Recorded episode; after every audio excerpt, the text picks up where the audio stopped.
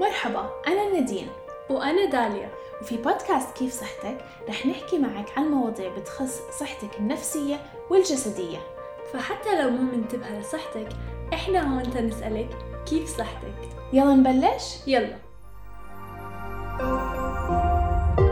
رؤيا بودكاست.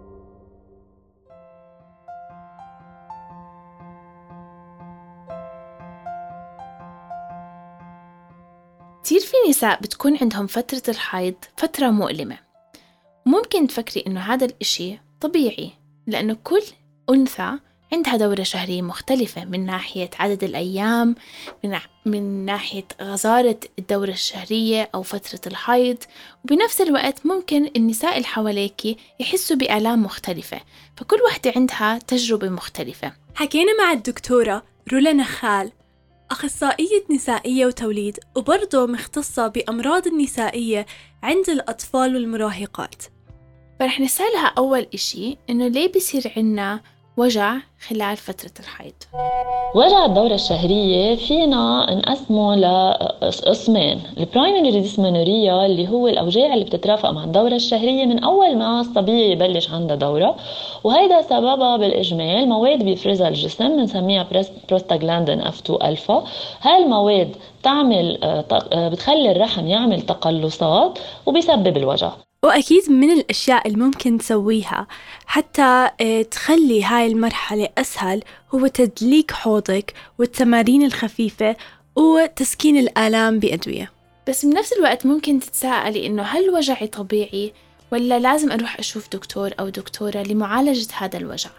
فإمتى أو إيش هي المؤشرات اللي بتخليك تفكري إنه هذا الوجع مو طبيعي. وجع الدورة الشهرية مزعج عند الصبايا والسيدات آه، وقدرة تحمل الوجع بتختلف من آه، صبية أو سيدة والتانية. شو هو الطبيعي والمش طبيعي؟ ما في شيء كتير بحدد بس في أمرار إشارات بتقلنا إمتى لازم نجرب نفتش على أسباب.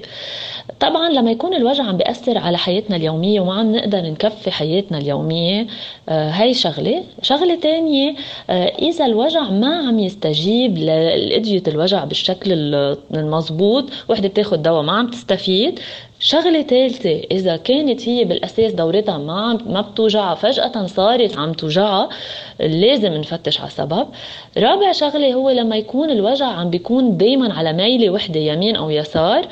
أه وأكيد كمان آخر شغلة ممكن تدلنا على أسباب أه من عادية للوجع. إذا كان الوجع عم بيبلش قبل كتير من الدورة الشهرية كمان لازم نستشير طبيب. طب إيش هي الأشياء اللي ممكن تصير بجسم الأنثى اللي رح تؤدي لوجع غير طبيعي أثناء فترة الحيض؟ مقارنة مع السكندري ديسمونوريا اللي هي الأوجاع اللي بتصير آه، بتبلش تدريجيا مع الوقت بتزيد مع الوقت وإلى عدة أسباب. بشكل عام من الأسباب الأساسية لأوجاع الدورة الشهرية بطانة الرحم المهاجرة أو ال endometriosis. الأسباب العضوية اللي بنشوفها بالرحم والمبايض مثل اللياف اللحميات الأكياس اللي على المبايض أو مثلا الالتهابات بالجهاز التناسلي النسائي ال pelvic inflammatory disease وأكيد أسباب تانية آه، أقل شيوعا. أكيد بهمنا نعرف كمان شو هو علاج الأمراض هاي اللي ممكن تسبب لنا آلام موجعة خلال الحيض. علاج الدورة الشهرية القوية دايما ببلش بالتشخيص المزبوط أسهل شيء على الحكيم يعطي دواء للوجع وخلص ونحلت القصة. أكيد دائما الأفضل نشخص السبب لنحل الوجع لأنه أمرار القصة ما بتوقف بس على دواء الوجع. إذا عنا بطانة الرحم المهاجرة الأمور عم تتطور ممكن نعوز عمل جراحي. إذا عنا كيس على المبيض ممكن هذا الكيس ينشال وما نعوز نرجع ناخذ إدوية وجع. إذا عنا التهاب بالحوض دواء الوجع بيكون عم بحل العوارض عم بحل الوجع بس ما عم بحل السبب وممكن تتطور الأمور. على المدى البعيد فتكون الحل مثلا دواء التهاب. فدايما الأساس إنه نحن نلاقي السبب ونعالج السبب لأنه كل سبب له علاج لحاله.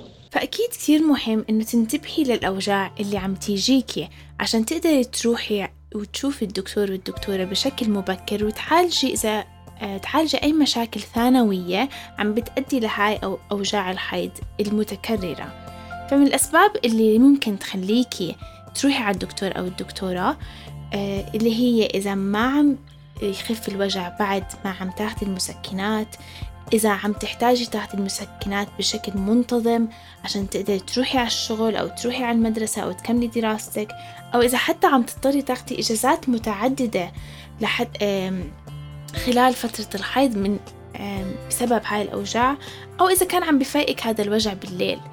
فغير الأسباب اللي حكتها الدكتورة رولا فكري بهاي الأشياء التانية اللي ممكن تصير معك إذا بدك تعرفي إذا وجعك طبيعي أو غير طبيعي. وبنشكر الدكتورة رولا على كل المعلومات اللي أعطتنا إياها وأكيد بنتمنى تكون هاي المعلومات مفيدة حتى تقدر تساعدك إذا أنت بتحتاجي تلجأ إلى الدكتور أو الدكتورة أو لا. إذا حبيتوا محتوى هاي الحلقة تابعونا على إنستغرام كيف دوت صحتك أو كيف صحتك بالعربي. رؤيا بودكاست.